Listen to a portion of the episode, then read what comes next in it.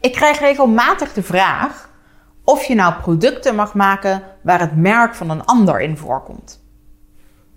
Ja, ik vind het antwoord heel erg logisch. Maar dat is het kennelijk toch niet per se. Charlotte, de social media jurist van Nederland. We moeten het even hebben over het gebruiken van merken van anderen op producten die jij wil laten maken. Ik kan me bijvoorbeeld voorstellen, tenminste, het is even een voorbeeld van iemand die wel eens bij mij langs is geweest, die uh, wilde ehm, kleding maken. Dus voornamelijk t-shirts, truien, overhemden, dat soort dingen. En daar afbeeldingen op afdrukken. En dan zag je in die afbeelding ook alweer een merk van een ander. Het zijn vaak bekende merken van uh, bijvoorbeeld bier of sportmerken of een beetje automerken, dat soort zaken. Mag dat nou? Nou, ik denk dan, als het gaat om een, zeker om een biermerk of een automerk, die zitten niet in de kleding. Die hebben hun merk waarschijnlijk helemaal niet ingeschreven voor kleding. Maar het waren wel bekende merken. Mag je zo'n merk dan toch op kleding afdrukken? Want ja, zijn ze niet voor beschermd, toch? Als het dat soort bekende merken zijn, dan mag dat helaas toch niet.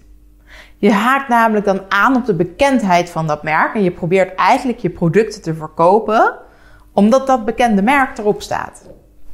Tja, dat mag niet zonder toestemming. Je kunt natuurlijk wel proberen om om toestemming te vragen. Dat geldt dus eigenlijk voor alles, ook als je gewoon echt een merk wil afdrukken, omdat je zegt van ja, nee, maar de manier waarop zij producten maken, uh, ik wil dat heel anders uitgevoerd hebben en dat ga je op een andere manier doen. En je zegt ja, maar ik maak wel duidelijk dat het mijn producten zijn. Nee, zolang jij probeert aan te haken bij de bekendheid van dat andere merk en daarom je producten goed weet te verkopen, dan mag je op die manier niet dat merk gebruiken. Je mag altijd van alles over merken schrijven en je mag er van alles van vinden. Maar een merk gebruiken om daar je eigen producten beter mee te kunnen verkopen, nee, dat mag niet. Dus zelfs niet als het misschien maar op een kleine manier verwerkt is en er ook nog andere dingen te zien zijn. Ook niet als je dus zo'n kledingstuk vol met merken van anderen zou zetten. En je niet maar één merk gebruikt, maar misschien wel een stuk of dertig. Mag allemaal niet. Uiteraard mag je al helemaal geen producten namaken. Maar goed, dat lijkt me evident. Dan is het namaken.